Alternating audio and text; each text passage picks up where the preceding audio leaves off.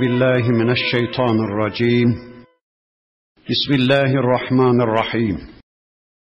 الحمد لله رب العالمين والصلاة وأتم التسليم على سيدنا محمد المبعوث رحمة للعالمين. اللهم لا سهل إلا ما جعلته سهلا وأنت تجعل الحزن إذا شئت سهلا. اللهم علمنا ما ينفعنا وانفعنا بما علمتنا.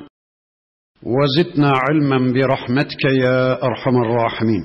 أما بعد بسم الله الرحمن الرحيم. الخبيثات للخبيثين والخبيثون للخبيثات والطيبات للطيبين والطيبون للطيبات أولئك مبرؤون مما يقولون. لهم مغفرة ورزق كريم. يا ايها الذين امنوا لا تدخلوا بيوتا غير بيوتكم حتى تستانسوا وتسلموا على اهلها ذلكم خير لكم لعلكم تذكرون الى اخر الايات صدق الله العظيم Muhterem müminler, birlikte Nur suresini tanımaya çalışıyorduk. Geçen haftaki dersimizde surenin 26. ayeti kerimesine kadar gelmiştik. İnşallah bu haftaki dersimizde de okumuş olduğum bu 26. ayeti kerimesinden itibaren surenin öteki ayetlerini tanımaya çalışacağız. Her dersimizde ifade ettiğimiz gibi İnşallah burada okuduğumuz, öğrendiğimiz Allah ayetleriyle önce Allah'ın istediği biçimde iman edeceğiz. Sonra da bu imanlarımızla yarınki hayatımızı düzenlemek üzere, bu imanlarımızı yarınki hayatımızda pratize etmek üzere ciddi bir gayretin, ciddi bir çabanın içine inşallah gireceğiz. Bugün okumuş olduğum Nur suresinin 26 ayeti kerimesinde Rabbimiz şöyle buyuruyor. Vel habithune lil habithati. Habis kadınlar habis erkekler içindir. Habis erkekler de habis kadınlar içindir. İyi kadınlar iyi erkekler içindir. İyi erkekler, temiz erkekler de tertemiz kadınlar içindir. Kötü kadınlara kötü erkekler layıktır. İyi kadınlara iyi erkekler layıktır. Yaşanan bu hayatı herkes böyle yaşar. İyi insanlar kendileri gibi iyi insanları arayıp bulurlar. Kötü insanlar da kendileri gibi kötüleri arayıp bulurlar. Namuslu insanlar kendileri gibi namuslu insanları arayıp bulurlar. Namussuz insanlar da kendileri gibi namussuzları arayıp bulurlar. Allah kimseyi zorlamıyor. Allah kullarını bu dünyada zorlasaydı, illa da benim istediğim gibi bir hayat yaşayacaksınız deseydi, belki hiçbirimizin tenasül organını yaratmazdı, her birerimizi bir melek gibi ya da bir taş gibi yaratır, hiçbirimizi günah işlemez olarak yaratırdı, olur biterdi. Ama Allah öyle istememiş. İsteyen istediğini tercih edebilir, dileyen dilediğini tercih edebilir buyurmuş. Yani insanı iyi olmaya da kötü olmaya da müsait yaratmış. Erkeği de kadını da habis olmaya da pis olmaya da tayyip olmaya, temiz olmaya da müsait yaratmış. Bunlardan herhangi birini seçebilme özelliğinde yaratmış kullarını ve sonra buyurmuş ki buyurun dilediğinizi seçebilirsiniz. Dilediğinizi tercih edebilirsiniz. Benim değer yargılarıma göre iyiliği tercih edip iyi de olabilirsiniz. Kötülüğü tercih edip kötü de olabilirsiniz. Sonucuna kendiniz katlanmak kaydı şartıyla iyilik ve kötülükten birini, tayyip ve habisten birini tercih etme imkanınız var demiş. İşte Rabbimiz bakın bu ayeti kerimesinde son derece açık ve net bir biçimde buyuruyor ki, iyi erkekler iyi kadınlar içindir. Kötü erkekler kötü kadınlar içindir. Kötü kadınlar kötü erkeklere layıktır. Kötü erkekler de kötü kadınlara layıktır. Veya bu ayetin bir ikinci manası da şöyledir. Kötü söz kötü erkeklere, kötü kadınlara aittir. İyi söz, iyi davranış da iyi erkeklere, iyi kadınlara aittir. İftira gibi, zina gibi kötü sözler, kötü eylemler kötü kadınlara, kötü erkeklere layıktır. Müslümanların gerçekten tayyip olmadan yana tavır alan müminlerin iyi olmadan yana, imandan yana, iffetten ve namustan yana tavır alan müminlerin şu yukarıda anlatılan kötü sözlerle tertemiz bir kadını lekeleyecek, tertemiz bir erkeği lekeleyecek, zina iftiralarıyla ilgisi, alakası yoktur. Müslümanlar bu tür davranışlardan uzaktır dedi Rabbimiz. Lehum mağfiratun ve rizkun kerim. Böyle yaşayan kimseler için bir örtüp örtbas etme vardır. Allah onların kusurlarını örtüp örtbas ediverecek. Bir de onlar için gerçekten kerim bir rızık hazırlamıştır Allah cennette. Gözlerin görmediği, kulakların duymadığı, akıl ve hayallerinizden bile geçiremeyeceğiniz nimetler ve rızıklar hazırlamış Rabbimiz iyi kadınlara ve iyi erkeklere. Burada bir örnek vereyim. Bir delikanlı düşünün ki Allah'ın temiz dediği bir hayattan uzak bir hayat yaşıyor. Şu anda toplumun yasallaştırdığı kötü yerlere girip çıkıyor yani zina ediyor. Sonra evlenmeye sıra geldiği zaman kendisi için tertemiz bir kızcağız arıyor eş olarak. Peki söyleyin böyle pislikten hoşlanan, pislik peşinde yüzen bir delikanlının, bir erkeğin tertemiz bir kızcağızın kanına girmeye hakkı var mı? Yok değil mi? Kendisi pislikten yana olacak, pis bir hayat yaşayacak ama sıra evlenmeye geldiği zaman kendisi için namuslu, iffetli, tertemiz bir kızcağız arayacak. Buna hakkı var mı? Böyle tertemiz bir kızcağızın kanına girmeye hakkı var mı? Bunun tersini de düşünün.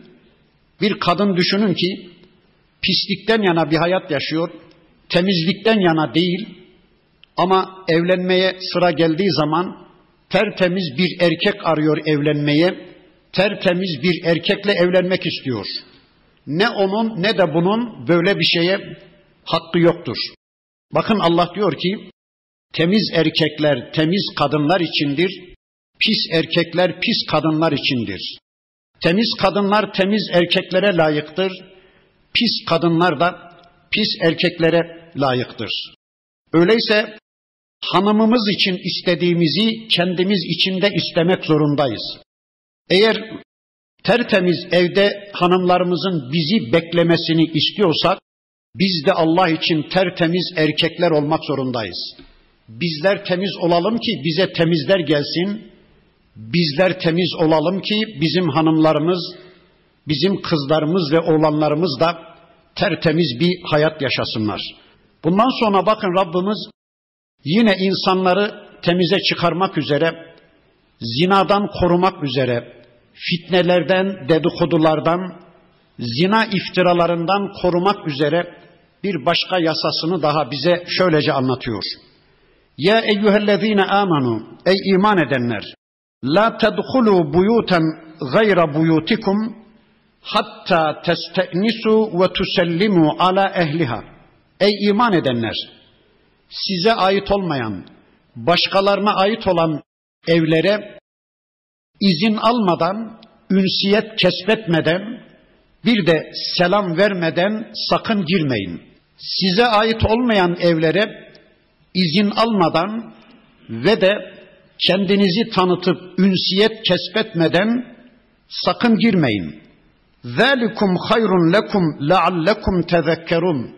Eğer zikrederseniz, eğer akıllarınızın en üst köşesine yazar, ve bu ayeti gündeme alarak bir hayat yaşayıp şereflerin zirvesine, temizliklerin zirvesine ulaşmak isterseniz bu gerçekten sizin için çok daha hayırlıdır. İstinas aslında keşif anlamına gelir. Yani gittiniz bir Müslümanın ziyaretine, Peygamber aleyhisselamın bir hadisinin beyanıyla üç defa kapıyı çalma, üç defa zile basma hakkınız vardır. El istizanu selafetun fe in uzine leke ve illa ferci. Üç defa kapıyı çalma hakkınız vardır. Çaldınız bir defa, bekleyin. Ama kapının tam önünde, tam alnında beklemeyin. Sağında ve solunda bekleyin. Çünkü içeriden evin hanımı gafletle belki görülmesi yasak olan bir kıyafetle bir anda karşınıza çıkabilir. Ya da kadınsanız evin erkeği gafletle bir anda bakılması yasak olan bir kıyafetle karşınıza çıkabilir. Onun için kapının tam alnında durmayın, sağında solunda durun ve bekleyin. Üç defa çaldınız, içeriden kim o diye bir ses gelmişse hemen selam verin, Esselamu Aleyküm ve hemen kendinizi tanıtın. Ben falan oğlu filan, izin verirseniz girmek istiyorum deyin. Bakın Allah ayeti kerimesinde son derece açık ve net bir biçimde bize bu usulü anlatıyor. Selam verin ve kendinizi tanıtın. Ben ben aç kapıyı ben geldim ben ben. Peygamber aleyhisselam böyle bir ifadeyi yasaklıyor. Çünkü ben ben sen kimsin? Bu ifade senin kimliğini ortaya koymaz ki yasaklıyor peygamberimiz. Selam verdikten sonra ben filan oğlu filan, ben falan kızı falan deyin, izin isteyin. İzin almadan eve girmeyin. Bakın Rabbimiz bizi fitnelerden korumak istiyor. Haramlara açılan bütün kapıları bizim adımıza kapatmak istiyor. Dedikodulara, iftiralara düşmemizi engellemek istiyor. Girdiniz eve izin almadan, ya evin erkeği yapayalnız evdeyse, siz kadın olarak girdiniz, ya bir iftiraya maruz gitme durumuyla karşı karşıya kalırsanız, ya da erkek olarak girdiniz izin almadan açıp kapıyı girdiniz. Haydi evin karısı yalnız başına evdeyse bir iftiraya, bir fitneye mahal bırakmak istemiyorsanız üç defa kapıyı çalın ve izin almadan, selam verip kendinizi tanıtmadan girmeyin diyor Rabbimiz. Aslında Peygamber Aleyhisselam'ın bir hadislerinin beyanıyla bir kişi kendi evine girerken bile annesinin evine girerken bile aynı usulü uygulamak zorunda, izin almak zorunda, kapıyı çalmak zorunda. Hatta sahabeden bir tanesi diyor ki ya Resulallah benim anam o. Ondan da mı izin alacağım? Allah'ın Resulü buyurur ki sen ananı çıplak görmek ister misin? İstemezsin değil mi? Öyleyse kapıyı çalmak ve izin almak kendini ortaya koymak zorundasın diyor sevgili peygamberimiz kapının önünde bağırıp çağırmak yasaktır. Bakın kitabımızın bir suresi, Hucurat suresi bu konuyu şöylece anlatıyordu. Çölden, badiyeden bir kısım bedeviler gelmiş, henüz yol yordan bilmeyen, adap erkan bilmeyen, henüz Kur'an'ın eğitimine girmemiş bir kısım bedeviler gelmiş, Peygamberimizin evinin hücrelerinin ötesinden berisinden bağırıp çağırmaya başlamışlar. Ey Muhammed uzaktan geldik ne bekletiyorsun çıksana diye Allah'ın Resulü az gecikmiş bir ihtiyacı vardır. O anda bir anda çıkamamıştır. Biraz bekleyin bağırıp çağırmaya başlamışlar da bakın Rabbimiz Hucurat suresinde şöyle buyuruyor. İnnellezîne yunâdûneke min verâil hucurâti ekseruhum la yaqilun. Ey peygamberim şu hücrelerin ötesinden berisinden bağırıp çağıranlar akıllarını kullanmayan kimselerdir. Keşke böyle yapmasalardı. Öyleyse biz de ziyaretine gittiğimiz evin kapısının penceresinin altından bağırıp çağırmayacağız. Kapıdan, duvardan, pencereden içeriği gözetlemeyeceğiz. Bu da yasak. Bakın sevgili peygamberimiz azatlık hizmetçisi Sevban'la birlikte bir Müslümanın ziyaretine giderler.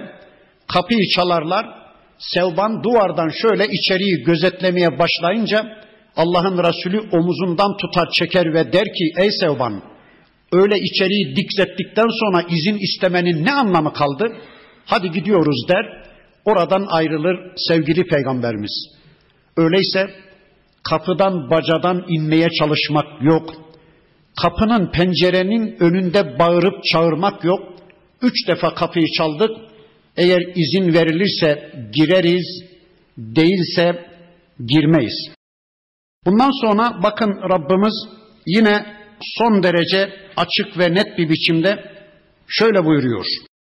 فَاِنْ لَمْ تَجِدُوا ف۪يهَا eğer orada kimseyi bulamamışsanız, ziyaretine gittiğiniz o evde kimseyi bulamadıysanız, ahaden fela tedhuluha sakın oraya girmeyin. Hatta yu'zene lekum size izin verilinceye kadar sakın oraya girmeyin. A geldik de kabul edilmedik demeyin. Kimseyi bulamadıysanız dönün gidin ve in qile lekumurci'u ferci'u. Eğer size içeriden bir ses dönün demişse hemen dönüp gidin. Huve ezka lekum bu sizin için daha temizdir. Sizin için daha temizleyicidir. Vallahu bima ta'maluna alim. Şüphesiz ki Allah yapıp ettiğiniz her şeyi bilmektedir. Yapıp ettiğiniz her şeyden haberdardır. Bakın Rabbimizin bir başka ruhsatıyla, bir başka yasasıyla daha karşı karşıya geliyoruz. Gittiğiniz evin sahibi dönün gidin demişse dönün gidin. Allah ona böyle bir izin vermiş. Gittiğiniz evin sahibi dönün gidin deme hakkına sahiptir. Çünkü sizi kabul edebilecek bir durumda değildir. Belki üzüntülü bir durum yaşamaktadır ya da çok keyifli bir durum yaşamaktadır. Keyfinin kaçmasını istememektedir. Size Allah'ın istediği biçimde bir misafirlik yapamayacağı bir konumdadır. Dönün gidin denmişse dönün gidin. Aa geldik de kabul edilmedik. 40 yılın başında adamın ziyaretine geldik. Adam kapıyı açmıyor. Adam bizi içeriye almıyor diye bağırıp çağırmaya, sitem etmeye hakkınız yoktur. Çünkü Allah böyle bir ruhsatı vermiş. Ev sahibi çok rahat Allah'ın verdiği bu ruhsatı kullanacak. Siz de hiç itiraz etmeden çekip gideceksiniz. Bakın bir Müslümanın ziyaretine gittiğiniz zaman onu evde bulsanız da bulamasanız da o Müslüman sizi içeriye alsa da almasa da dönün gidin dese de zaten sevabı aldınız. Her halükarda siz sevaba ulaştınız. Öyleyse içerideki Müslümanı niye almıyorsun içeriye diye bağırıp çağırmaya, rencide etmeye hakkınız yoktur. Sonra Rabbimiz yine aynı konuyla alakalı şöyle buyuruyor. Leysa aleykum cunahun en tedhulu buyuten gayra meskunetin fiha meta'un lekum. İçinde mallarınız, mülkleriniz olan ama meskun olmayan yani içinde ailelerin oturmadığı evlere girmenizde bir sakınca yoktur. Yani işte oteller gibi, lokantalar gibi ya da işte belediyeler gibi, dükkanlar gibi yerler, oralar meskun değildir. Oralarda erkek ve kadın oturmamaktadır. İşte oralara girmenizde bir sakınca yoktur. Yani kamuya ait olan hizmet mahallerine izin almadan girmenizde bir sakınca yoktur. Vallahu ya'lemu ma tubdune ve ma tektumun. Gizlediklerinizi de açığa çıkardıklarınızı da Allah bilmektedir. Bundan sonra yine iffet ve namusla alakalı Müslüman erkek ve kadınları tertemiz hale getirmeyle alakalı bakın Rabbimizin bir erkeklere bir de kadınlara emri olacak. Kul lil mu'minine Ey peygamberim mümin erkeklere söyle yeguzzu min absarihim gözlerini aşağıya eğsinler. Gazzu basar yapsınlar. Gözlerinin bakış alanını daraltsınlar. Kim karşısında bakılması haram olan bir obje karşısında bakılması yasak olan bir ortamda gözlerini aşağıya eğsinler, gazzu basar yapsınlar, gözlerinin bakış alanını daratsınlar, sınırlandırsınlar. Karşılarında bir kadın var, ulu orta, hemcisleri üzerinde gözleri dolaşmasın, gözlerine sahip çıksınlar ya da bir başka şekliyle söyleyecek olursak karşılarındaki hemcinslerini yani o kadının dişiliğini, kişiliğinin önüne almasınlar. Bir beşeri münasebet adına onlara bakmak zorunda kalmışlarsa sadece bir kere baksınlar, hemen başlarını aşağıya eğsinler. Ulu orta gözleri karşı cinsin üzerinde dolaşmasın. Gözlerini aşağıya doğru indirsinler. Ve yahfazu furucehum bir de yine o mümin erkeklere söyle ey peygamberim ferçlerini muhafaza etsinler, namuslarına, iffetlerine sahip çıksınlar, avret yerlerini hiç kimseye göstermesinler. Velike ezka lehum işte bu onlar için tertemiz, temizlik sebebidir, onları temizleyecektir bu davranış. İnna Allaha habirun bima yasnaun. Şüphesiz ki Allah yapıp ettiğiniz her şeyden haberdardır. Demek ki erkeklere şunu söylüyor Rabbimiz, hem cinsleri karşısında bakılması yasak olan bir ortamda gözlerini aşağıya doğru indirsinler. Çünkü hevanın ilk tohumları gözlerle atılmaktadır. Sevgili peygamberimiz bir hadislerinde buyururlar ki el aynan zinahuma en nazar İki gözün zinası bakmaktır. El uznan zinahuma el istima. İki kulağın zinası zinaya götürücü sözü işitmektir, dinlemektir. Ellerin zinası el batış tutmaktır. Ayakların zinası yürümektir. Kalbin zinası istemek, arzu etmektir. Tenasül organı da ya yerine getirir ya da bu işten sarfı nazar eder. Bakın ilk defa gözlerden başlıyor hevanın tohumları ekilmeye. Öyleyse gözlere sahip olacağız. Gözler güzel bakacak. Gözler sınırlandırılmalı. Ulu orta karşımıza çıkan objeye dikilmemeli. Gözler namuslu olursa biz de namuslu oluruz. Rabbimiz bu ayeti kerimesinde ilk defa gözlere dikkat çekiyor. Ama ilk bakıştan da Peygamber aleyhisselam sorumlu olmadığımızı söylüyor. Ali Efendimiz'e diyor ki ey Ali birinci bakışından sorumlu değilsin ama birinci bakışına ikinci bakışını eklersen ondan sorumlu olacaksın. Yine Allah'ın Resulü bir başka hadislerinde buyururlar ki yolların üzerine oturmayın. Sahabe-i kiram efendilerimiz diyorlar ki ya Resulallah biz bundan vazgeçemeyiz. Yolların üzerine oturur, sohbet eder, konuşuruz deyince sevgili peygamberimiz buyurdu ki o zaman yolun hakkını verin. Peki yolun hakkı nedir ya Resulallah dediler. Allah'ın Resulü iyiliği emretmek, kötülükten men etmek, gözlerinizin bakış alanını daraltmak, önünüzden geçen herkese bakmamak, selamı alıp vermek, selamı yaymak, eziyet varsa o yol üstünde Müslümanlara sıkıntı verecek eziyetler varsa onları kaldırmak, bir de işte iyiliği emredip kötülükten men etmek buyurdu sevgili peygamberimiz. Bakın Rabbimiz erkeklere iki emir verdi. Gözlerini aşağıya doğru eğsinler, namuslarına, iffetlerine sahip çıksınlar, avret yerlerini başkalarına göstermesinler buyurduktan sonra şimdi de kadınlara bir emir geliyor.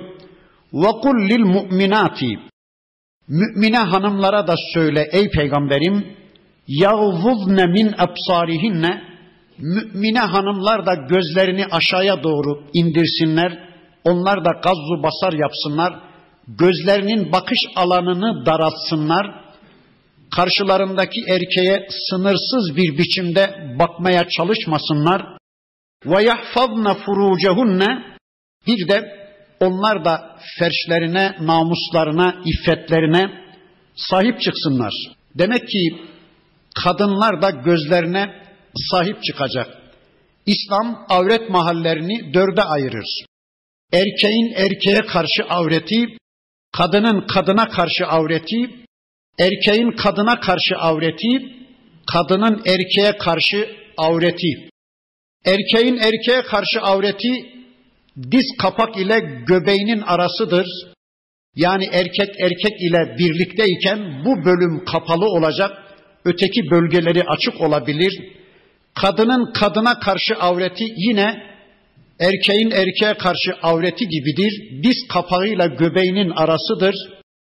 Erkeğin kadına karşı avreti yine erkeğin erkeğe karşı avreti gibidir. Göbekle diz kapağın arası örtülü olmalıdır. Kadının erkeğe karşı avreti ise tüm vücutudur. Biraz sonra ayeti okuyacağım inşallah.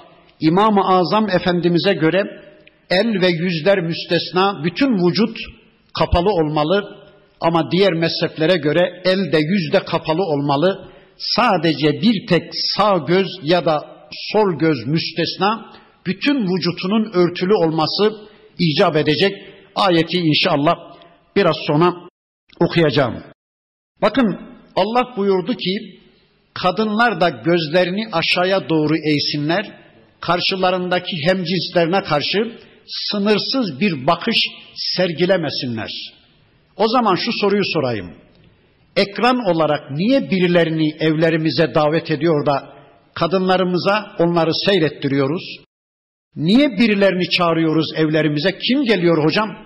İşte ekran olarak, televizyon ekranı olarak elin alemin namussuzlarını evimize davet ediyoruz. Filmlerde, dizilerde onların kıyafetleri belli. Biz kadınlarımızı niye onlara baktırıyoruz? Peki şu soruyu sorabilirsiniz. Aklınıza geldi. Efendim onlar bizim kadınlarımızı görmüyor ki. Peki bizim kadınlarımız onları görmüyor mu? Bakın sevgili peygamberimiz Abdullah İbni Ümmü Mektum isimli ama bir sahabi vardı. Peygamber aleyhisselamın uzaktan akrabasıydı. Bir gün Abdullah İbni Ümmü Mektum peygamberimizin evine ziyarete geldi. Peygamber aleyhisselam hanımlarına buyurdu ki ihtecaba ihtecaba örtünün örtünün Abdullah geliyor. Peygamber aleyhisselamın hanımları dediler ki ya Resulallah o amadır bizi görmez ki. Peki siz onu görmüyor musunuz? Siz de mi amasınız? Siz onu görüyorsunuz ya. Tamam bir kadın karşısında erkek gözlerini aşağı eğecek de bir kadın erkek karşısında gözlerini aşağı eğmeyecek mi? Onun bakışı serbest mi olacak? Hayır. Öyleyse elin alemin deyyuslarını ekran olarak evlerimize davet edip kadınlarımıza onları seyrettirmeye hiçbir zaman hakkımız yoktur. Bunu unutmayalım. Sevgili peygamberimiz yine başka bir hadislerinde buyururlar ki erkeğin erkeğin avret mahalline bakması yasaktır. Kadının kadının avret mahalline bakması yasaktır. Bir erkeğin bir erkekle, bir kadının da bir kadınla bir yatağın altında, bir örtünün altında yatması yasaktır diyor. Bir erkek bir erkekle bir örtü altında yatamaz. Bir kadın bir başka kadınla bir örtü altında yatamaz. Tabi yabancı erkek yabancı erkekle, yabancı kadın da yabancı kadınla. Evet, Kadınlara da emretti Rabbimiz gözlerini aşağıya doğru eğsinler, bakış alanını daratsınlar, onlar da ferşlerine, namuslarına sahip çıksınlar dedikten sonra bakın Rabbimiz şöyle buyuruyor. وَلَا يُبْد۪ينَ زِينَتَهُنَّ illa ma zahara minha. Kadınlara fazladan bir emir geliyor. Peygamberim söyle o mümine hanımlara zinetlerini vücutunun güzelliklerini başkalarına arz etmesinler, başkalarına göstermesinler. İlla ma zahara minha ancak zaruret icabı açılan yerler müstesna vücutlarının güzelliğini başkalarına teşhir etmesinler, zinetlerini başkalarına göstermesinler. Bakın bu illa ma zahara minha ayetine İmam-ı Azam Efendimiz farklı bir anlam vermiş imamlarımızdan İmam-ı Azam Efendimiz ve bazı alimler farklı bir anlam vermiş. Öteki imamlarımız, üç mezhep imamı ve yine sahabeden birçok imamlarımız farklı bir anlam vermişler. İmam-ı Azam Efendimiz diyor ki, illa ma zahara minha zarureten açık olması gereken yerler müstesna, kadınlar bütün vücutlarını başkalarına göstermesinler şeklinde anlamış. Böylece el ve yüz İmam-ı Azam Efendimizin iştihadına göre açık tutulabilir. Ama İmam-ı Şafii Efendimiz ve diğer mezhep imamları da bu ayetin bu bölümünü şöyle anlamışlar. Kadınlar zinet yerlerini başkalarına göstermesinler. İlla ma zahara minha ancak kendi iradelerinin dışında ellerinde olmayan sebeplerle açılı veren yerler müstesna Allah onlardan onları sorumlu tutmayacak. Merkebe binerken, deveden inerken, eve girerken, arabaya binerken rüzgar esti, düşüverdi, bir yerlere açılı verdi kadının. İşte kendi elinde olmayan sebeplerle iradesinin dışında bir kaza sebebiyle açılan yerleri müstesna bütün vücutu zinettir kadının demiş diğer üç mezhep imamı. Öyleyse Hanefi mezhebine müntesip olan mesela Türkiye'de çoğunlukla kadınlarımızın elleri ve yüzleri açıktır ama İslam dünyasının birçok coğrafyasında öteki mezheplere müntesip olan Müslüman kadınlar yüzlerini de bir peçeyle örterler, ellerine de bir eldiven giyerler. Onların elleri de yüzleri de kapalı olmak zorundadır. Sadece sağ gözleri ya da sol gözleri önlerini görebilmek için açık tutulur. Onun dışında bütün vücutları avrettir şeklinde anlamışlar. Sonra bakın buyurdu ki Rabbimiz vel yadribne bi humurihinne ala cuyubihinne başörtülerini de yakalarının üzerine doğru çeksinler, vursunlar. Darabe fiili aslında vurmak demektir. Söyle o mümine hanımlara ey peygamberim başörtülerini şu göğüslerinden de aşağıya yakalarının üzerine vursunlar, darbetsinler, çeksinler. Peki niye örtsünler demedi de vursunlar, çeksinler dedi Rabbimiz? Bakın bundan şunu anlıyoruz. İslam öncesi de Peygamber Aleyhisselam'ın Mekke'de zuhurundan önce de başörtüsü toplumda biliniyordu. Kadınlar örtünüyorlardı. Hatta mesela Hatice annemiz Peygamber Aleyhisselam ilk vahiy ile karşı karşıya Cebrail Aleyhisselam'la Hıra mağarasında karşı karşıya geldi, aşağıya indi, çok korkmuştu, ne olduğunu anlayamamıştı. Beni ört ey Hatice demiş. Hatice annemiz örtmüştü. Kalkınca peygamberimiz durumu anlatmıştı. Vallahi bilemedim Hatice bir melek miydi yoksa bir cin miydi? Ben neye uğradığımı anlayamadım. Çok korktum dedi. Hatice annemiz dedi ki üzülme ey Allah, üzülme ey Muhammed. O geldiği zaman ben başörtümü açarım. Eğer bir melekse başörtüsünün açık olduğu yerde durmaz gider. Eğer bir cinse bir şeytansa o zaman onun kimliğini anlarız demişti. Bakın İslam öncesi de toplumda başörtüsü biliniyordu. Ama kadınlar bizim Anadolu'da halayık dediğimiz aksesuar cinsinden bir örtü örtüyorlar ve arkaya doğru atı veriyorlarmış. Kulaklar açık, gerdan açık, boğaz açık, göğüsler açık, her taraf açık. Sadece bir aksesuar cinsinden başlarına atı veriyorlarmış. Allah buyurdu ki öyle yapmayın. Aşağıya doğru salın, aşağıya doğru yakalarınızın üzerine doğru arkada omuzlarınızı da kapatacak biçimde aşağıya doğru vurun, sımsıkı bağlayın buyurdu Rabbimiz. Ayşe annemiz der ki Allah ensar kadınlarına rahmet etsin. Bu ayeti kerime indi. Sevgili peygamberimizin bu ayetle alakalı yorumu da ortaya çıktı sabaha kadar kadınlar evlerinde örtünebilecek ne tür bezler bulabilmişlerse örtünmüşler. Sabah namazında kara kargaları andıran bir görüntü arz ediyordu mescit. Bütün kadınlar bir anda örtünü verdiler. İşte iman budur. İşte Allah'a iman ve Allah'a teslimiyet budur. Rabbimizin temel bir dini emri olan bu başörtüsünü günümüzde insanlar çok farklı biçimlerde yorumlamaya çalışıyorlar. Efendim bu siyasi bir özellik taşıyor. Dini bir özellikten ziyade siyasi bir özellik taşıyor. İşte siyasal bir simge özelliği taşıyor filan demeye çalışıyor kimileri. Kimileri bu laikliğe aykırıdır demeye çalışıyor.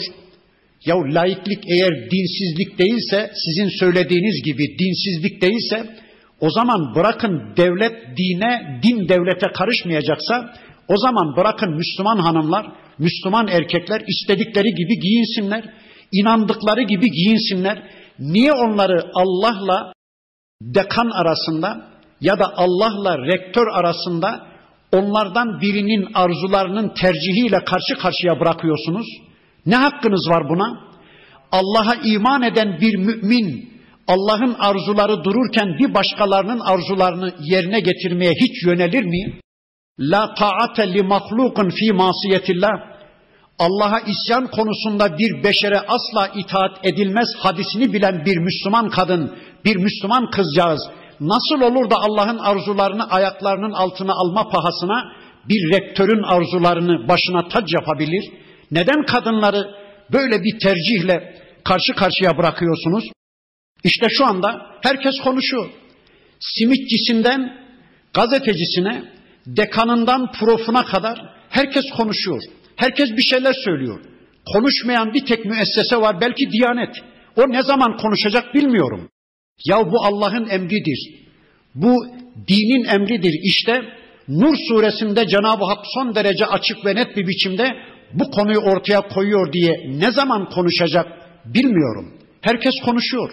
Ya bir kere dine inanmayan kişilerin din konusunda fetva vermesi son derece saçmadır. Mesela şu anda ABD başkanı ben dini papadan daha iyi bilirim dese inanın yer yerinden oynar, bütün Katolik dünyası ayağa kalkar, yer yerinden oynar. Ama bizde herkes fetva verir. Herkes bu konuda bir şeyler söylüyor. Efendim bu ideolojik bir simgeymiş. Ya söyleyin Allah aşkına ideolojisi olmayan bir insan var mı yeryüzünde? İdeolojisi olmayan bir insan hayvandır ya. Bir düşüncesi, bir inancı, bir ideolojisi olmayan bir insan düşünebilir misiniz? Elbette ben ideolojimden dolayı sakal bırakırım. Bir Müslüman hanım ideolojisinden dolayı yani inancından dolayı, düşüncesinden dolayı örtünür ya. İdeolojisi olmayan bir insan zaten hayvandan farksızdır. Peki bu şartlarda bu bir zarurettir. Ne yapalım? Okul bitinceye kadar başımızı açı versek olmaz mı? Hayır. Bu bir zaruret değildir. Zaruret sonunda ölümü gündeme getiren bir şeydir. Bir şey yapmadığınız zaman sonunda öldürülecekseniz o zarurettir değilse e efendim işte İslami ilimler okuyacağız. Sonunda İslam'a hizmet edeceğiz. Bakın ben size daha önceki derslerimin birisinde söylemiştim.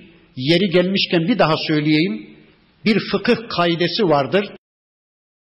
Mazarratı def menfaati celpten evladır. Yani bir haramla bir emir çatıştığı zaman haram önceliklidir, emir terk edilir. Harama düşme söz konusuysa farz terk edilir. Sevgili Peygamberimiz bir hadislerinde buyururlar ki, ben size bir şey emrettiğim zaman gücünüz yettiği kadar onu yerine getirin ama bir şeyi yasakladığım zaman ondan kaçının. Bakın emirlerde mestadatum geçerli. Gücünüz yettiği kadar. İnfak edin ne kadar? Gücünüz yettiği kadar. Kur'an sünnet öğrenin ne kadar? Gücünüz yettiği kadar. İlim öğrenin ne kadar? Gücünüz yettiği kadar. Emri bil maruf nehy ani münker yapın ne kadar? Gücünüz yettiği kadar. Ama içki içmeyin ne kadar? Onun ne kadarı yok. Hiç içmeyin. Efendim şöyle bir iki bardak. Hayır. Orada kesinlik var.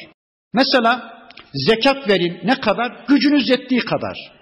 Ama zina etmeyin. Ne kadar? Hiç etmeyin. Bakın haramlarda kesinlik var. Emirlerde gücünüz yettiği kadar ifadesi var. Bir Müslüman kızcağız farz-ı ayın ilimleri öğrenmek için bugün okula gitse bile şu cümlemi ağır ağır bir daha söyleyeyim. Şu anda üniversitelerin hiçbirisinde farz-ı ayın ilimler öğretilmez. İlahiyat da dahil. Farz-ı ayın ilimler öğretilmez. Bir kızcağız farz-ı ayın ilimleri öğrenmek için bir yere gidecek ama giderken ya da okula girerken başını açmak zorunda kalacaksa haram önceliklidir. Başını açıp harama düşmektense farz-ı ayın ilmi terk eder. Bir kadın ya da bir erkek istince yapacak, taharet yapacak. Eğer çevreden birileri onun avret yerlerini görecekse avret yerlerinin görülmesi haramdır. İstinca da farzdır. İstincayı terk eder, farzı terk eder. Harama düşmektense avret mahallini açmaz. Bir kadın pejmurde bir kıyafeti var. Ayağa kalktığı zaman etraftaki erkekler tarafından vücut hatları görülecekse kıyamı terk eder. Kıyam farz idi ama bir başkası tarafından avret yerlerinin görülmesi haramdır. Harama düşmektense kıyamı terk eder, oturarak namaz kılar. E farz-ı ayın ilimleri öğrenme niyetiyle bile gitse, eğer başını aşmak zorunda kalacaksa terk eder o ilmi, başka yerlerde de o farz-ı ayın ilimleri öğrenme imkanına sahiptir. O harama düşmektense bu bir zaruret değildir. Böyle bir şey kesinlikle yanlıştır. Bakın Rabbimiz buyurdu ki onlar başörtülerini yakalarının üzerine darbetsinler. وَلَا يُدِّينَ زِينَتَهُنَّ اِلَّا لِبُعُولَتِهِنَّ Yine zinetlerini hiç kimseye göstermesinler. Vücutlarının güzelliğini hiç kimseye arz etmesinler. Peki hiç kimse mi? Hiç mi istisnası yok? Bakın şunlar istisnasıymış. Kimmiş onlar? İlla libu'uletihinne. Kocaları bu işin dışındadır. Bakın bir kadının kocası onun vücutunun tümünden istifade etme hakkına sahiptir. Ama cümlem biraz genel oldu. Az biraz istisna yapalım. Kadın hayızlı iken ya da doğum yapmış kan geliyor iken, lohusa kanı geliyor iken Ayşe annemizin beyanıyla söyleyecek olursak diz kapağıyla göbeğinin arasından istifade hakkına sahip değil, vücutunun bütün bölgelerinden istifade hakkına sahiptir koca. İşte bakın burada Rabbimiz kadınlar zinetlerini başkalarına göstermesinler ama kocaları bunun dışındadır. Ev abaihinne babaları da bunun dışındadır. Kadın babasının yanında rahat hareket eder. Saçı, başı, kolları, ayakları açık olabilir. Ev abai buuletihinne bir de kocalarının babaları yanında yani kayınpederleri yanında kadınlar biraz daha rahat hareket ederler. Ev ebnaihinne yine kendi çocuklarının yanında tepeden tırnağa örtünmek zorunda değildir kadınlar. Çünkü kendi çocukları ev ebnai buuletihinne bir de kocalarının çocuklarının yanında. Tabi kocalarının başka hanımlarından olan çocuklarının yanında. Bir kadın bir erkekle evlendiği andan itibaren, nikah kıyıldığı andan itibaren o kocanın başka kadından olan çocukları da o kadının üvey evlatları yerindedir. Aynen kendi çocukları makamındadır. Onların yanında da kadın rahat hareket eder. Ev ihvanihinne kardeşlerinin yanında, erkek ve kız kardeşlerinin yanında da rahat eder. Ev beni ihvanihinne kardeşlerinin çocuklarının yanında yani yeğenlerinin yanında da bir kadın her tarafı örtülü olmak zorunda değildir. Ev beni ahavatihinne yine kız kardeşlerinin çocuklarının yine yeğenlerinin yanında rahat hareket ederler. Ev nisaihinne bir de kadınlarının yanında. Buradaki kadınlarının yanında ifadesinden mümin kadınların yanında kendi cinslerinden olan kendileri gibi inanmış olan mümin kadınların yanında da kadınlar rahat hareket ederler.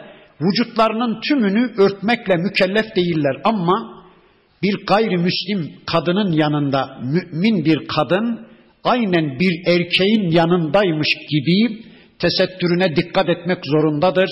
Bir Yahudi, bir Hristiyan, bir İngiliz, bir Fransız kadının yanında tıpkı bir erkeğin yanındaymış gibi bir Müslüman kadın örtünmek zorundadır. Evma meleket eymanuhunne bir de o kadınlar sağ ellerinin sahip olduğu cariyelerinin yanında da rahat hareket ederler. Tümüyle vücutlarını kapatmak zorunda değiller. Çünkü cariyelerinin yanında serbest hareket ederler. Alimlerimizden kimileri Sadece bu ayet bir kadının kadın hizmetçisi olan cariyeyi içerir, erkek hizmetçisi olan kölesinin yanında yine örtünmek zorundadır demiş ama kimileri hayır o onun kölesidir. Erkek kölesinin yanında da kadın cariyesinin yanında da hür olan efendi bir kadın saçını başını açmasında bir mahsur yoktur şeklinde anlamışlar. Evit tabi'ine gayri ulil irbeti miner rical bir de erkeklerden artık yaşlanmış kadınlara karşı hiçbir meyli kalmamış yaşlı ihtiyar erkeklerin yanında da rahat hareket ederler. Evit tıflillezine lem yadharu ala avratin nisa bir de henüz kadınların avret mahallerine muttali olmamış, kadınlık ve erkeklik cinsiyetini ayırabilecek yaşa gelmemiş küçük yaştaki çocukların yanında da kadınlar rahat hareket edebilirler. Ama günümüzde zamane çocuğu mu televizyondan mı görüyor, nereden görüyorsa daha küçük yaşta kadınlığın ve erkekliğin farkına varmışsa onların yanında da dikkat etmekte fayda var. وَلَا يَضْرِبْنَ بِاَرْجُلِهِنَّ لِيُعْلَمَ مَا يُخْف۪ينَ مِنْ زِينَتِهِنَّ Bir de Müslüman hanımlara söyle ey peygamberim, zinetleri bilinsin diye, vücutlarının güzelliği anlaşılsın diye, vücut hatları ortaya dökülsün diye böyle ayaklarını vurarak yürümesinler, edalı bir biçimde yürümesinler, dar adımlarla yavaş yavaş yürüsünler, Vücut hatlarını belli etmeyecek bir yürüyüş tarzıyla yürüsünler. Karşıdan çıktı mı tak tak tak ayak sesleri hemen millet bakıyor, işte bir kadın geliyor. Yani böyle dikkat çekmenin, kendisini insanlara arz etmenin hiçbir anlamı yoktur. Çok renkli bir elbise giymenin anlamı yoktur. Şeffaf bir elbise giymenin, ten renginde bir elbise giymenin ya da daracık bir elbise giyerek bütün vücut hatlarını ortaya koymanın hiçbir anlamı yoktur. Çünkü sevgili peygamberimiz kadın eğer dışarıya çıkmak zorundaysa bir zarureti varsa koku sürünmeden çıksın. Hatta koku sürünmedikleri sürece kadınları mescitlere gelmekten engellemeyin diyor bir hadislerinde Allah'ın Resulü. Kadınlar mescitlerden engellenmez ama bizim Türkiye'de kadınlar mescitlere gelmez. İslam dünyasının birçok coğrafyasında aynen erkekler gibi beş vakit namaz kılmaya gider kadınlar ama Ayşe annemizin de bir rivayeti var. Eğer o kadınların orada ne yaptıklarını bir bilseydi peygamberimiz kesinlikle onları mescitten engellerdi diyor. Şartlara göre, işte duruma göre gerçekten bir fitne, gerçekten insanları, erkekleri günaha sokma, kendilerini günaha sokma ortamında değillerse elbette kadınlar mescitlerden engellenmeyecek. Çünkü Allah bakın Ahzab suresinde fi buyutikunne ve la teberracne teberrucel cahiliyeti. Kadınlar vakarla evlerinde otursunlar ama bir zaruret icabı dışarıya çıkmak zorunda kalmışlarsa koku sürünmesinler. Vücut hatları insanlar tarafından bilinsin diye, güzellikleri insanlar tarafından anlaşılsın diye ayaklarını vurarak yürümesinler. Ve tubu ilallahi cemi'an eyyuhel mu'minun. Ey müminler öyleyse hepiniz Allah'a yönelin. Hepiniz kıblelerinizi değiştirin. Hepiniz Allah'a yönelin, Allah'a tevbe edin. Bakın sanki bu ayetiyle Rabbimiz Medineli erkek ve kadınlara şunları söylüyordu. Ey Müslümanlar şu ana kadar şöyle şöyle davrandınız. İşte dedikodu yaptınız. Tertemiz bir kadınlara zina isnadında bulundunuz. Şöyle şöyle işte insanları zinaya götürücü davranışlarda bulundunuz. Ya da evlere şöyle girdiniz.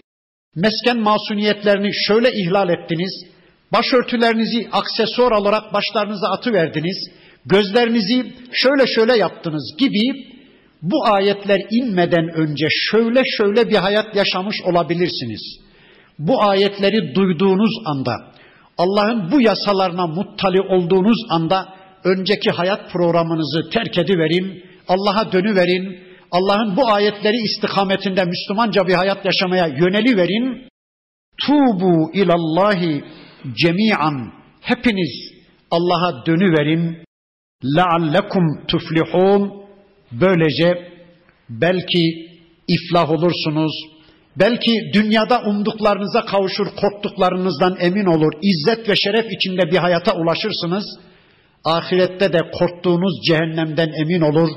Umduğunuz cennete gidersiniz dedi. Bakın buraya kadar insanları, toplumları zinaya götürücü dış etkenleri anlattı Rabbimiz. Şimdi de zinanın kökünü kazıyacak bir iç etkeni anlatacak. Bakın şöyle buyuruyor. Ve enkihul eyama minkum. Ey Müslümanlar, içinizden nikaha ihtiyacı olanları evlendirin.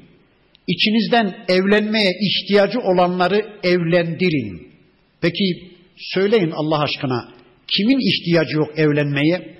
Hangi kadının, hangi erkeğin ihtiyacı yok evlenmeye? Bakın hepimize bir emir, bütün babalara, bütün analara Rabbimiz bir emirde bulunuyor diyor ki içinizden evlenmeye ihtiyacı olanları evlendirin. Bakın Allah bizden şunu istiyor. Genç kızları evlendirin. Genç erkekleri evlendirin. Kocası ölmüş dul kadınlar iddetleri biter bitmez evlendirin. Kocalarından boşanmış dul kadınları hemen evlendirin. Hanımlarından boşanmış ya da hanımları ölmüş dul erkekleri hemen evlendirin. Toplumunuzda evlenmeye ihtiyacı olup da nikah nimetine ulaşamamış, bir kadınsa bir erkek nimetine, bir erkekse bir kadın nimetine ulaşamamış bir tek insan kalmayacak biçimde eğer bu problemi çözümlerseniz kesinlikle zinanın, fuhşun önünü alabilirsiniz. Tertemiz bir toplum haline gelebilirsiniz. Ama evlenmeye ihtiyacı olup da insanlar meşru dairede bu ihtiyaçlarını karşılayamazlarsa toplumda gayrimeşru ilişkiler artacaktır. Gayrimeşru ilişkiler çoğalacaktır. Bakın insanlar yemeye içmeye muhtaç yaratılmışlardır. Fiziksel olarak yemek içmek zorundadır insanlar değil mi? Böyle olan insanlara şöyle bir cümleyi söyleyebilir misiniz? Sen yeme içme diyebilir misiniz? Ya insan yemeye içmeye muhtaç yaratılmışsa onun önüne helal rızıklar çıkarmazsanız o mecburen o ihtiyacını, o fiziksel ihtiyacını haram yollardan gidermek zorunda kalacak değil mi? İşte evlenmeye muhtaç yaratılmış bir kadının bir erkeğin önüne evlenme imkanını çıkarmazsanız, nikah imkanını çıkarmazsanız onlar o fiziksel ihtiyaçlarını gayrimeşru yollardan gidermeye çalışacaklar ve toplumda adam boyu fuhuşlar yükselecek, adam boyu zinalar yükselmiş olacak. İşte Rabbimiz bakın bu konuya dikkat çekiyor. Hatta toplumda Müslüman olmayanlar bile evlendirilmeli. Evliliğin Müslümanlıkla, Müslüman olmamakla bir ilgisi yoktur. Bakın Rabbimiz ayetin devamında buyururlar ki وَالصَّالِح۪ينَ مِنْ عِبَادِكُمْ وَاِمَائِكُمْ Kölelerinizden ve cariyelerinizden evlendikleri zaman Allah'ın yasalarına riayet edebileceklerine, kadınsa kocalarına, kocaysa kadınlarına sadıkane davranabileceklerine, yani sorumluluğu üstlenebileceklerine inandığınız kimseleri de evlendirin. Allah bizden bunu istiyor. Ben iki baba örneği vereyim. Bir baba ki evlenme çağına gelmiş kızı için bir Müslümana gidiyor diyor ki kardeşim benim bir kızım var gel bak beğenirsen sana vereyim. Ne güzel değil mi? İşte Ebu Bekir Efendimiz geldi peygamberimize teklif etti. İşte Ömer Efendimiz Osman Efendimiz'e kızını teklif etti. Böyle bir baba tipi var. Bir ikinci baba tipi söyleyeyim. Kızım evse işte ev, arabaysa araba, paraysa para, yiyecekse yiyecek. Yok çocuk ihtiyacıysa benim çocuklarımı sevebilirsin. Ne olacak evlenip de diyen ikinci bir baba tipi daha var. Peki bunlardan hangisi daha hayırlı? Elbette birinci baba tipi daha hayırlı. Almış hanımını yanına üç gün ondan ayrılığa dayanamazken kızım evlenmesin dul kalmış, gelinim evlenmesin dul kalmış. Ya bu İslami değil ki buna hakkımız yoktur. Bakın nice insan bilirim ki oğlunun düğününde işte 50 milyar 100 milyarlık yemek veriyor, pilav döküyor. Bu parayı buralarda harcamasa da 10 tane 20 tane gencin evlenmesine harcasa çok daha güzel değil mi? Bu konuda endişe de etmeyin. Zaten okuyacak. Allah ayetlerini söyleyecek ama vaktimiz kalmadı. Ben ayetin o bölümünü önümüzdeki haftaya bırakıyorum. Bakın baba evinde oğlumuzun bir yatağı var mı? Var. Kızımızın da bir yatağı var mı? Var. Alıp getirin. İkisi birlikte bir yatak oldu. İki yorgan demeyeyim. İki yorgansa bile onları da dikin tek yorgan haline getirin. İşte evlilik bu ya. İşi aksesuara boğuyoruz. İşi materyalizme boğuyoruz. Böylece evlilikleri de zorlaştırıyoruz. Baba evinde bir yatağı yorganı varsa ötekinin de varsa aldılar geldiler. İşte evlilik bu ya. Bu kadar basitken işi zorlaştırmaya çalışıyor Müslümanlar. Bakın Allah diyor ki İn yekunu fukara yughnihumullahu min fadlihi. Eğer onlar fakirlerse de bilesiniz ki evliliğe adım attıkları andan itibaren Allah onları zenginleştirecektir. Vallahu vasiun alim. Şüphesiz ki Allah rahmeti çok geniş olandır. Rızkı çok geniş olandır. Kimin neye muhtaç olduğunu da en iyi bilendir. Öyleyse Rabbinize güvenin. Rabbinizin bu ayetleri istikametinden Müslümanca bir hayat yaşayın. Kadınlar olarak erkekleri için tertemiz, erkekler olarak kadınları için tertemiz bir hayat yaşayan bir İslam cemaati, bir İslam toplumu olun dedi. Bu ayetlerinde Rabbimiz surenin geri kalan bölümünü tanımak üzere önümüzdeki hafta tekrar bir araya gelmek üzere Allah'a emanet olun. Subhaneke Allahümme ve bihamdik. Eşhedü en la ilahe illa ente. Estağfiruke ve etubu ileyk. Velhamdülillahi Rabbil alemin. El Fatiha.